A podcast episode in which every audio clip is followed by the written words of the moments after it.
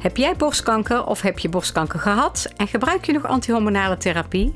Dan ben jij onze luisteraar. In deze podcast, De Antihormonologen, vertellen we je alles over de werking en bijwerking van deze therapie. En wie zijn wij? Wij zijn Judith en Monique. Beide verpleegkundig specialist en werkzaam in de borstkankerzorg in een groot perifere ziekenhuis. En daarnaast zijn wij ook nog actcoach. Met onze kennis en ervaring zullen wij jou door deze vaak pittige periode heen helpen. Want wat er is gebeurd, verander je niet. Maar wat jij ermee doet, is wat het wordt. Welkom bij de Antihormonologen. Veel luisterplezier.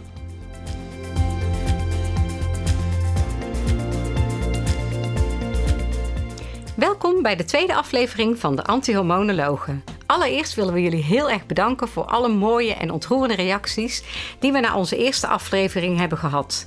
Het motiveert alleen maar ontzettend om nog veel meer afleveringen te gaan maken en we hopen daarmee jullie ook een beetje tot steun te zijn. Wat we nog wel graag willen vermelden is dat onze informatie algemeen is en misschien niet precies op jou van toepassing. Roept het vragen op, bespreek ze dan met jouw behandelend arts of verpleegkundig specialist. In deze aflevering zullen we uitgebreid ingaan op wat hormoongevoelige borstkanker nu eigenlijk is. En wat is nou de werking van die antihormonale therapie waar we het heel de tijd over hebben? Het blijft een lastige materie, ook voor ons. En daarom zijn we ook ontzettend blij dat we vandaag een gast hebben die al onze en wellicht ook jullie vragen hierover gaat beantwoorden. Onze gast van vandaag is oncoloog Esther. Esther, welkom. Dankjewel. Uh, misschien kan jij jezelf kort uh, introduceren. Zeker. Ik ben Esther en ik werk als uh, oncoloog in een groot perifeer centrum. En daar behandel ik nagenoeg alleen maar vrouwen met borstkanker. Dat is mijn aandachtsgebied. Dat doe ik nu een paar jaar. En dat is voor mij een aandachtsgebied waar ik heel veel voldoening uit haal. Dus ik vind het leuk om bij jullie podcast aanwezig te mogen zijn. Om het hierover te hebben. Nou, super fijn. We vinden het ook heel fijn dat jij hier bent. Want um, nou ja, we hebben een hele lijst met vragen die we graag aan je zouden willen voorleggen. vragen waar wij um, in de dagelijkse praktijk veel vragen over terugkrijgen van onze patiënten. En jij wellicht ook. En uh, eigenlijk om ook een stukje begrip wat beter uh, bij onze luisteraars te brengen van, nou, wat is het nu precies? Uh, nou, al die vragen die we, die we aan je hebben en die, die, nou, die willen we graag aan je stellen. Dus, Kom maar op. Is goed. Nou, dan beginnen we met vraag 1. Uh, ik denk ook wel uh, een hele goede om mee te beginnen. Want wat is nou hormoongevoelige borstkanker? Um, hormoongevoelige borstkanker betekent dat de tumor groeit door hormonen. Uh, door vrouwelijke hormonen, het oestrogeen en de progesteron. En op de tumor zitten een, een soort uitsteeksels, antennes die we receptoren noemen. En bij hormoongevoelige borstkanker uh, zitten er oestrogeen en progesteron receptoren op die tumor. En, en hoe komt het nu dat uh, borstkanker uh, hormoongevoelig is?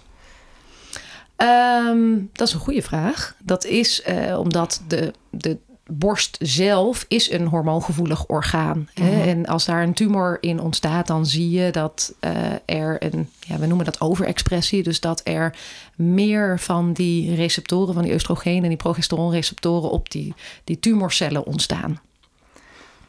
Oké, okay, dus dat wil dus eigenlijk zeggen dat daardoor er meer gevoeligheid is voor dat vrouwelijk hormoon. Ja, precies. En, en je had het al over uh, oestrogeen en progesteron, hè? En uh, wat is dan de normale functie van die hormonen? Ja, die hormonen die zijn betrokken bij heel veel dingen in het lichaam. Mm -hmm. Dus die, die receptoren, die vind je ook um, door het hele lichaam. In mm -hmm. het brein, um, uh, nou ja, in de botten, uh, in heel veel verschillende organen. En daarom hebben ze ook heel veel verschillende rollen. Mm -hmm. um, en ik denk dat het heel ver voert om dat allemaal mm -hmm. uh, uit te spreken en uit te spitten. Um, dus ik, ik weet niet of dat al voldoende je vraag beantwoordt. Ja, dat denk ik wel hoor. En stel dat er veel vragen komen nog over het vrouwelijk hormoon, dan kunnen we altijd nog een aparte aflevering daarover maken. Hey, en als we het dan over die hormonen hebben, waar, waar worden die dan gemaakt in ons, in ons lichaam? Dat is afhankelijk van um, of je nog uh, menstrueert, hè? dus of je premenopausaal bent. Dus dan heb je de overgang nog niet gehad, of dat je de overgang al wel hebt gehad. Mm-hmm. Als je premenopausaal bent, dan worden de hormonen aangemaakt in de eierstokken. En als je postmenopausaal bent, dus je menstrueert niet meer, dan neemt het vetweefsel het over. Dus als je nog menstrueert, worden eigenlijk die vrouwelijke hormonen vooral of alleen maar aangemaakt in de eierstokken of ook wel dan, ook dan in je vetweefsel? In de eierstokken alleen. Dan alleen in de eierstokken. Oké. Oké, en ehm, hoe vaak komt hormoongevoelige borstkanker dan voor? Nou, van alle ehm, borstkankers uh, zijn nou, de ruime meerderheid de hormoongevoelige borstkankers. En dan heb je het over zo'n 75 à 80 procent. Het is echt een grote groep. De grootste groep. Ja, echt de grootste groep. En um, we heten niet voor niks natuurlijk de antihormonologen. Want we willen natuurlijk graag over antihormonale therapie hebben. Wat is nou eigenlijk antihormonale therapie en hoe werkt het? Antihormonale therapie is uh, therapie die aangrijpt op de hormoonreceptoren. We hebben verschillende soorten hormoontherapie. En grofweg heb je twee groepen in te delen. De tamoxifen is uh, het oudste middel en het bekendste middel. En we hebben de middelen die vallen onder de groep aromatase remmers. En daar uh, vallen middelen onder zoals letrozol of anastrozol. En uh, hoe ze werken was jouw andere vraag. Mm -hmm. um, allebei werken ze op verschillende manieren. Wat mm -hmm. tamoxifen doet, is um, als je het voor je ziet, hè, dat je een cel hebt met zo'n hormoonantenne, zo'n oestrogeenreceptor, dan vangt die de oestrogenen die gemaakt worden in het lijf, of dat nou door de eierstokken gedaan wordt of door het vetweefsel. En dat is voor zo'n tumorcel een groeisignaal. Hè? Dus zodra die antenne mm -hmm. dat oestrogeen gevangen heeft, dan krijgt zo'n zo'n cel een, een, een groeisignaal. En wat tamoxifen doet, is op die antenne een blokje zetten. Mm -hmm. Waardoor het oestrogeen niet gebonden kan worden. Wat uh, aromatase remmers doen, dus de middelen letrozol, anastrozol, um, dat werkt eigenlijk juist aan de andere kant. Dat zorgt ervoor dat er minder oestrogeen wordt aangemaakt in het vetweefsel. Dus die middelen werken alleen als je hormoonproductie in het vetweefsel zit. Ja. Want daar remt het. Ja. Dus daarin maakt het dus eigenlijk ook heel erg uit, uh, als een bruggetje daar naartoe van wat je net ook zegt, of je voor of na de overgang bent, welke middelen je inzet. Want je zegt, die aromatase-remmers werken eigenlijk alleen maar op dat vetweefsel. Maar als je vooral nog productie hebt in je eierstokken, als je dus nog menstrueert, doet dat middel dus eigenlijk veel minder, omdat je hormoonproductie dan echt vanuit je eierstokken komt. Ja, dat klopt. Ja, doet veel minder, doet eigenlijk niks. Dus die nee. aromatase-remmers kun je niet inzetten bij vrouwen die hun menstruatie nog hebben. Tenzij je ervoor uh, zorgt dat je die menstruatie uitschakelt. Daar hebben we natuurlijk ook middelen voor tegenwoordig. Ja. Hè? Dat kun je kunstmatig doen met, uh, met een injectie. Um, dan kun je de, de werking van de eierstokken uitschakelen. En dan maak je een, een premenopausale vrouw, dus een vrouw die hun, haar menstruatie eigenlijk nog heeft, maak je dan kunstmatig in de overgang. En dan heb je in één keer wel weer allebei de middelen tot je beschikking. Ja, dus Esther, je hebt dus uh, injecties, je hebt tabletten. En hoe bepaal je nou wie wat krijgt? Um, nou, deels, hè, want we net al zeiden, wordt dat dus bepaald door de, de uh, menstruatiefase waarin een vrouw zit. Premenopausaal, mm -hmm. postmenopausaal. Maar dat is eigenlijk niet eens de, de belangrijkste factor. De belangrijkste factor wordt bepaald door de tumorkenmerken. Mm -hmm. En de tumorkenmerken, dus de grootte, de graad van de tumor, of er aangedane lymfeklieren zijn, de leeftijd van de patiënt. Uh, dat zijn de, de belangrijkste factoren die bepalen um, ja, wie wat voor soort therapie moet krijgen. Ja, dus je ziet wel ook, het is een echt ingewikkelde materie. Hè? Zelfs voor onszelf ook wel. Laat staan natuurlijk voor als je het moet gaan krijgen. Hè? Als je ook al in een kwetsbare fase in je leven bent. En wanneer zet je het nou in, die antihormonale therapie? Doe je dat nu al meteen of doe je dat later in de behandeling? Dat kan een beetje verschillen. Mm -hmm. um, nou ja, van dokter tot dokter denk ik zelfs, wanneer je het doet. Um, maar ook wel uh, um, een beetje wat de chirurg wil. Hè? Soms wil de chirurg de tumor kleiner maken, maar heb je niet per se een reden om dat met chemotherapie te doen. Mm-hmm. Uh, dan kun je de antihormonale therapie al direct bij diagnose um, uh, inzetten. Dus dan laat je de tumor nog zitten, start je met hormoontherapie en dan hoop je dat die mooi kleiner wordt. Um, wat uh, sommige dokters doen is eerst de chemotherapie, dan de operatie, bestraling en dan pas de hormoontherapie. Mm-hmm. Uh, maar je kunt hem ook al direct inzetten bij je chemotherapie of direct met je bestraling. Dus er is eigenlijk nooit één precies moment aan te wijzen wat nee. het moment is om te starten met die antihormonale therapie. eigenlijk alles kan en alles mag ook wel. Ja, dus dat ook net zoals een heel groot stuk van de behandeling ook wel zorg op maat ook. Ja, zeker. Ja, ja. En waarom zou je het nou minstens vijf jaar moeten gebruiken? Ja, de studies die gedaan zijn naar de werking van antihormonale therapie, die hebben uh, allemaal tenminste uh, de vrouwen in die studies vijf jaar die therapie laten slikken. Mm-hmm. En daarbij werd gezien dat dat uh, een beschermingseffect had, ook op latere termijn, in het beschermen tegen terugkeer van ziekte, hè, terugkeer van borstkanker. Later zijn er studies geweest die hebben laten zien van hey, moet je het misschien niet langer gebruiken? En die waren uiteindelijk eigenlijk nog beter dan die vijf jaar. Um, uh, niet allemaal, hè, dus dit is allemaal patiëntgebonden, want het is niet altijd beter om langer te slikken. Nee. Um, maar als je kunt aantonen dat langer soms beter is, dan is korter dan vijf jaar natuurlijk nooit beter. Nee, nee. nee dus die vijf jaar is eigenlijk wel uh, daarom ook vanuit die hoek de minimale behandelduur die we adviseren. Hè, los van de verschillende momenten waarop patiënten het kunnen krijgen in hun behandelingen en de tijdstippen die daarin gekozen kunnen worden, die je net ook aangaf, is daarom wel vijf jaar ook de periode waar vaak sowieso over wordt gesproken dat je deze behandeling zou moeten gebruiken. Ja, ja dus wanneer je start maakt niet uit. Vanaf dan gaan gewoon die vijf jaar tellen. Maar die studies hebben dus aangetoond dat ja, vijf jaar dat geeft jou het, de beschermingskans. Geeft dan minder geen bescherming. Dat denk ik niet. Hè? Alles wat je slikt is mooi meegenomen. Maar als je eh, tot het optimale effect wil uh, gaan, dan ja, is uitgezocht dat ten minste vijf jaar de duur is.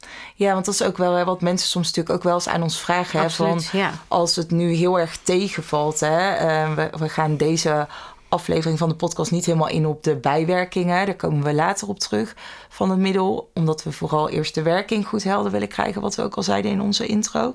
Maar eh, als mensen onverhoopt toch eerder willen stoppen met de tabletjes, doordat ze het of vinden tegenvallen of nou, om wat voor reden dan ook, uh, wordt natuurlijk wel eens gevraagd van ja, hoe lang zou ik het minimaal moeten slikken om de kans op terugkeer uh, te verkleinen. Maar daar zeg je ook eigenlijk in iedere dag is mooi meegenomen. We proberen natuurlijk altijd met z'n allen behandelaars mensen te motiveren en te steunen en te zoeken naar mogelijkheden om die vijf jaar te volbrengen.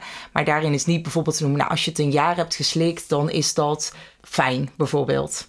Nee, en dat is ook eigenlijk nooit uitgezocht. Hè? Wat, wat is nou je beschermingskans als je het een jaar slikt? Wat is het als je twee jaar slikt en drie jaar? Er is altijd uitgegaan van die vijf jaar. Ja. Dus al die studies kijken naar... Zijn ook daarop is, gebaseerd. Ja, die zijn, precies. precies. Dus die, die, uh, je, we weten niet goed wat je beschermingskans is met het slikken van één jaar of twee jaar. We weten alleen dat je beschermingskans het beste is als je het tenminste vijf tenminste jaar slikt. Vijf. Nee, dus die vijf jaar, hè, wat je ook goed benadrukt, denk ik, dat is echt de termijn waar de meeste effectiviteit in ieder geval nu is bewezen, ook in de meeste studies, waardoor dat in ieder geval het advies is tot minimale duur voor het grootste deel van de patiënten.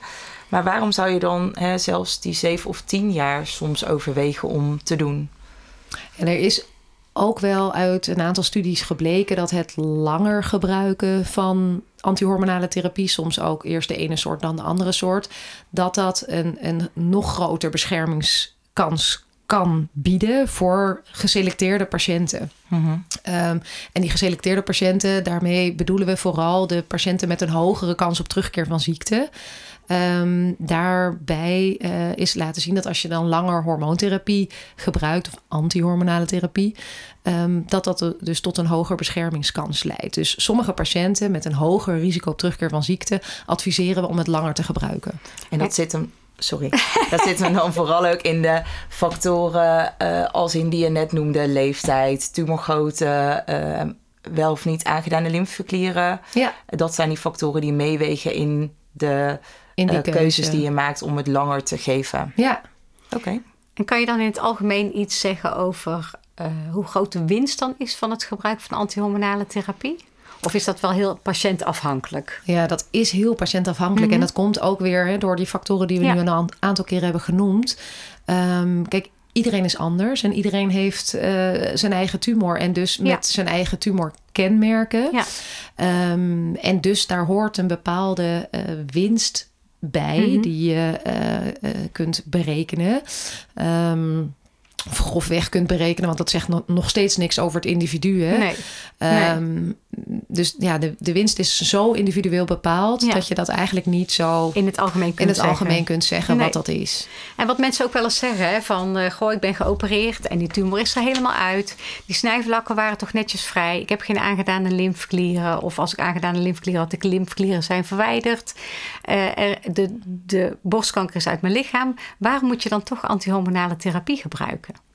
Nou, wat we hebben uh, gezien, ook weer eigenlijk in de studies die ik uh, net al aanhaalde, is dat je uh, een beschermings kans uh, geeft met het slikken eh, van antihormonale therapie op de terugkeer van ziekte. Ja. Ook al is die tumor eruit en ook soms waren de oxoclieren schoon, dan zie je toch dat helaas bij een deel van de patiënten die ziekte terugkeert. Ja. Um, dat zie je helaas ook soms bij het slikken van antihormonale ja. therapie. Hè, dat de kans uh, blijft bestaan dat die ziekte terugkeert, maar dat die kans wel kleiner is dan als je het niet zou doen. Ja. Um, uh, en dus, uh, je noemt dat, dat micrometastase. Uh, er kunnen kleine cellen al losgelaten hebben van de tumor, zonder dat je dat weet, zonder dat, dat je dat ziet en zelfs zonder dat je dat terugziet in de lymfeklieren, mm -hmm. kan dat toch gebeurd zijn. Ja.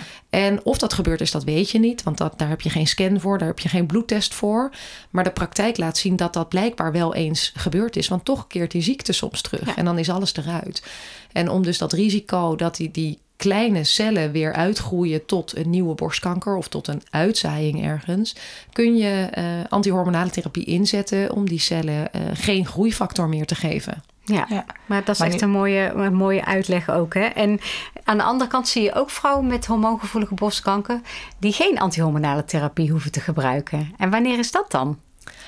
Ook dat is eigenlijk weer individueel bepaald. En wordt okay. ook weer bepaald door die, uh, die factoren die we al een paar keer genoemd hebben. Um, we hebben uh, vastgelegd dat er bepaalde uh, um, de hormoongevoelige borstkankers zijn die zo'n laag risico hebben op terugkeer van ziekte, dat het niet um, loont, tussen aanhalingstekens, om voor zo'n lange tijd antihormonale therapie te gebruiken.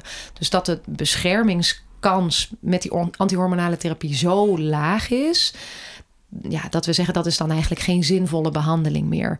Dus je kunt een borstkanker hebben die, ja, als je dat zo in één zin mag zeggen, misschien relatief goedaardig is. Waardoor je met alleen een operatie en soms een bestraling erachteraan al klaar bent. Ja, dus hè, dat is ook belangrijk, denk ik, dat niet iedere hormoongevoelige borstkanker, hè, want het komt heel veel voor, dat vertelde je ook, zo'n 75 tot 80 procent van de vrouwen die borstkanker krijgt, standaard uh, antihormonale therapie krijgt. Ook dat is dus weer zoals we ons soms nu ook een beetje in herhaling horen vallen, hè, zo afhankelijk van de persoonlijke factoren ja. van jouw eigen situatie um, als patiënt zijnde, of je het wel of niet inzet. Ja, ja. klopt. En uh, soms zeggen mensen hè, van ik heb, uh, nou, ik heb nu antihormonale therapie en nu ben ik in de overgang. Nou, dat is niet zo. Okay. Je komt niet Vertel. in de overgang. je komt niet in de overgang van antihormonale therapie. Okay. Je kan wel overgangsachtige klachten krijgen. Um, daar gaan we het dus vandaag niet over hebben. Heel goed. Ja, daar komen we nog uitgebreid op terug. Absoluut. Precies. In een andere aflevering. Maar je kunt dus klachten krijgen alsof je in een overgang zit. En daarom verwarren vrouwen die situatie vaak met ik ben door die tabletten in de overgang. Maar die tabletten die, die doen niks op je overgangssituatie. Je, je komt dus niet ineens in de overgang door het slikken van die tabletten. Je bent dat al of je bent dat nog niet of je bent dat aan het gaan. Hè. Het heet ja. een overgang. Um, en daar, daar doet die hormoontherapie niks op. Oké. Okay. Ja, want dat zeggen vrouwen dus wel inderdaad heel vaak. En daarmee is ook altijd dan een vraag van ben ik dan uh, tijdens het slikken van die tabletjes, uh, kan ik dan bijvoorbeeld nog zwanger raken of ben ik dan nog steeds vruchtbaar? Ja, je kunt nog steeds vruchtbaar zijn, um, al mits je vruchtbaar was, was voordat voor je die, die tabletten slikte. Ja. ja. Maar die tabletten doen dus ook niks op je vruchtbaarheid. Uh, wel is het zo dat we niet willen dat je zwanger raakt onder antihormonale therapie. Want je kunt dus zwanger raken. Mm-hmm. Uh, alleen de antihormonale therapie uh, is niet goed voor de ongeboren vrucht. en dus willen we niet dat vrouwen zwanger raken onder antihormonale therapie. Maar dat kan dus wel. Ja. ja. Dus het is wel belangrijk om dat in ieder geval goed te weten. Hè. Dat is denk ik soms wel wat verward wordt van het feit Ja. van doordat ik die tabletjes slik, ben ik in de overgang. Hè? Of ben ik door jullie in de overgang gebracht. Hè? We zeggen mensen ook wel eens.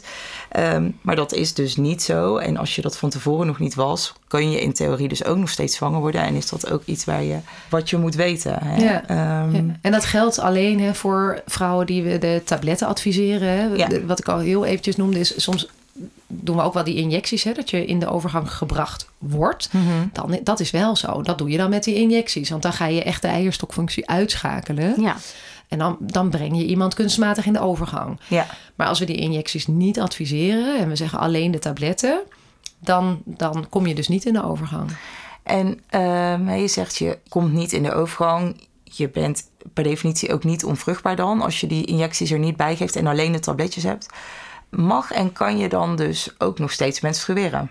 Dat kan, ja. ja de- wat er gebeurt met de menstruatie onder de ehm, behandeling met antihormonale therapie, dat wisselt ook weer heel erg van patiënt tot patiënt.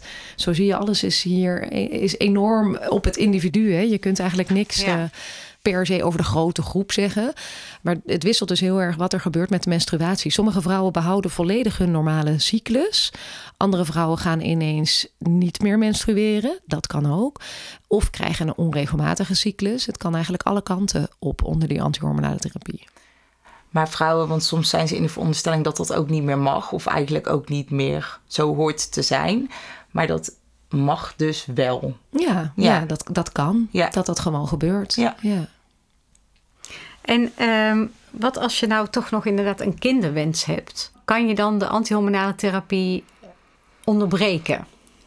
Nou, dat is een, een, een goede vraag, want dat is eh, heel recent onderzocht of dat eh, kan. Want eigenlijk wisten we dat niet zo goed. En er is dus een grote internationale studie geweest de afgelopen jaren. Die heeft gekeken naar vrouwen met een kinderwens ehm, en ook de diagnose borstkanker. Ehm, wat je nou met die antihormonale therapie kan doen, of je dat veilig kan stoppen, kan onderbreken voor een zwangerschap, wat natuurlijk echt een stortvloed aan hormonen ja, is. precies. Kun je dat veilig doen als je hormoongevoelige borstkanker eh, hebt gehad? En die studie heeft laten zien dat dat wel kan. Er waren wel een aantal eisen aan. Hè, dus je, eh, als je als jonge vrouw borstkanker had, hormoongevoelige borstkanker had gehad, dan moest je wel tenminste anderhalf jaar eerst die hormoontherapie geslikt hebben. En dan pas mocht je het even stoppen om zwanger te kunnen worden. En dan mocht die stopperiode twee jaar zijn. En die twee jaar kon je dan gebruiken om proberen zwanger te worden. ehm, en om eventueel borstvoeding te geven als je dat zou wensen. En dan moest je daarna wel je hormoontherapie weer starten. Weer hervatten. Ja. ja. En ehm, in die studie is eh, aangetoond dat vrouwen ehm, eh, gewoon zwanger kunnen worden met het onderbreken van de hormoontherapie. En hè, dat dat ook voldragen zwangerschap is. En, en dat de kans op ziekte terugkeer, dus op de terugkeer van borstkanker, niet hoger ligt dan in de groep vrouwen die gewoon die hormoontherapie continueert, nooit een kind krijgt tussendoor. Ehm, en, en, en dus niet dat, dat, dat risico van onderbreken heeft genomen. Zo wordt het vaak gezien. Ja, dus de terugkeer van ziekte was niet hoger in de groep die, eh, van vrouwen die zwanger is geworden. Dus dat is wel, ehm, denk ik, ook een opsteker voor veel vrouwen in de vruchtbare leeftijd die ook nog een kinderwens hebben. Ja. Dat dus nou, die studie wel aantoont dat dat toch wel veilig zou moeten kunnen.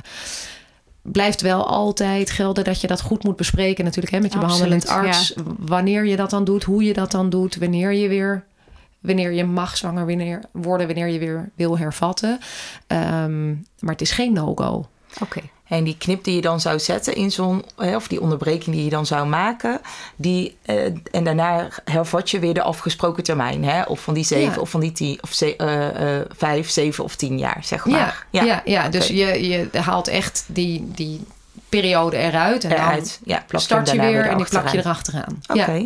Nou, dat is wel echt wel een mooie ontwikkeling en een mooie studie, denk ik. Ja. Los van hè, wat je terecht ook zegt, dat dat soort beslissingen altijd natuurlijk in goed overleg genomen moeten worden. Maar dat dit wel deze uitkomsten laat zien. Ja, en we hebben natuurlijk nog een andere groep patiënten. Het is maar een hele kleine groep patiënten, maar ze zijn er ook. Hè? Kunnen mannen ook hormoongevoelige borstkanker hebben? Zeker, mannen kunnen ook uh, hormoongevoelige borstkanker krijgen. Uh, van alle borstkankers is 1 op de 100 een man.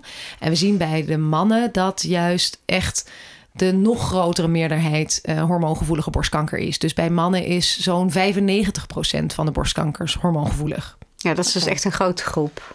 Ja, dat is zeker een grote groep. Maar kunnen zij dan uh, ook antihormonale therapie krijgen? Ja, zeker. Ja, eigenlijk bij mannen um, werkt dat hetzelfde. Um, en heb je ook uh, uh, vooral de keuze uit tamoxifen. Um, dus dat is niet zoveel keuze, want dat, dat is eigenlijk het enige middel wat je altijd uh, voorschrijft. Hè. Dus de, de aromatase remmers doen we bij mannen nagenoeg nooit. En we hebben het nu heel erg gehad over nou, hoe werkt die antihormonale therapie om daar een klein beetje meer zicht en duidelijkheid en ook een beetje meer kennis over te krijgen. Maar kun je nou eigenlijk ook controleren of die antihormonale therapie werkt? Nou, dat ligt er een beetje aan wanneer je het inzet. Hè? Dus waar we het al eerder over hadden, je kunt antihormonale therapie ook gebruiken in het begin van het traject. Dus als de borstkanker vastgesteld is uh, en je bent nog niet geopereerd, dan kun je eigenlijk echt zien hè, aan de tumor of dat het werkt. Uh, maar als je al geopereerd bent en je slikt daarna antihormonale therapie preventief, dus om de ziekte niet terug te krijgen, dan doe je het blind. Hè? Dan heb je niet iets wat je kunt meten, want de ziekte is eruit. Um, dus dan, dan weet je niet of het werkt.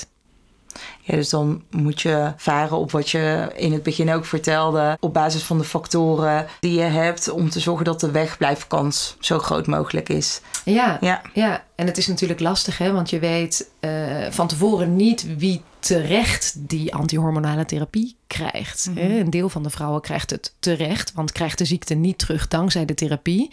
Um, maar er is ook een deel van de vrouwen die krijgt die ziekte sowieso niet terug, hè? want die zijn geopereerd en daarmee zijn ze genezen en hebben die antihormonale therapie niet nodig.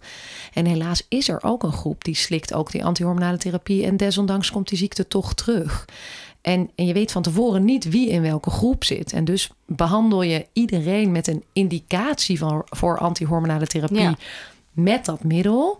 Uh, om voor die, die ene groep, nogmaals van wie je niet weet wie dat zijn, uh, om daarvoor succesvol te zijn. Ja, goede uitleg. Fijn uh, zoveel duidelijkheid uh, te krijgen. En wat wij ook wel vaak terug horen van uh, onze patiënten. dus je begint met die antihormonale therapie. Die krijg je van een bepaald merk. En vaak ga je dan bijvoorbeeld na een paar maanden terug naar de apotheek. Krijg je antihormonale therapie van een ander merk. Maakt dat uit? Ja, dat maakt niet uit. Hè. Het gaat om de werkzame stof. En die is bij iedere fabrikant hetzelfde. dus je krijgt altijd de tamoxifen of de letrozol of anastrozol. Um, wat wel zo is, is dat sommige vrouwen um, wel bijwerkingen anders kunnen ervaren tussen de verschillende merken. En dat komt dan niet door de, door de werkzame stof, hè, dus door het middel zelf, maar waarschijnlijk door de hulpstoffen die altijd in een tablet ook toegevoegd worden om een tablet een tablet te kunnen laten zijn. Uh, dus sommige vrouwen ervaren wel een ander spectrum aan bijwerkingen. En dat is denk ik iets waar jullie misschien nog een keertje op terugkomen, wat dat dan zou kunnen zijn. Um, maar ja, dus soms kan het ene merk wel voor, de, uh, voor een patiënt prettiger zijn dan het andere merk.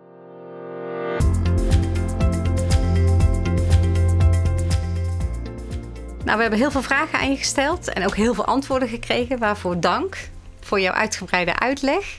En heel fijn dat je onze gasten wilde zijn. Uh, ik denk dat het goed is uh, dat we allemaal weer even de puntjes op de i hebben over de werking. Ook voor Zijn onszelf. Opgefrist. En uh, daardoor kunnen we misschien ook beter vertellen wat de bijwerkingen zijn. En misschien kunnen we ze daardoor ook beter verklaren en beter begrijpen. En daar zullen we in de volgende aflevering uitgebreid op ingaan. Bedankt weer voor het luisteren naar onze podcast De Antihormonologen. Laat alsjeblieft een reactie achter op onze Spotify of op onze Instagram pagina, De Antihormonologen. Tot de volgende keer.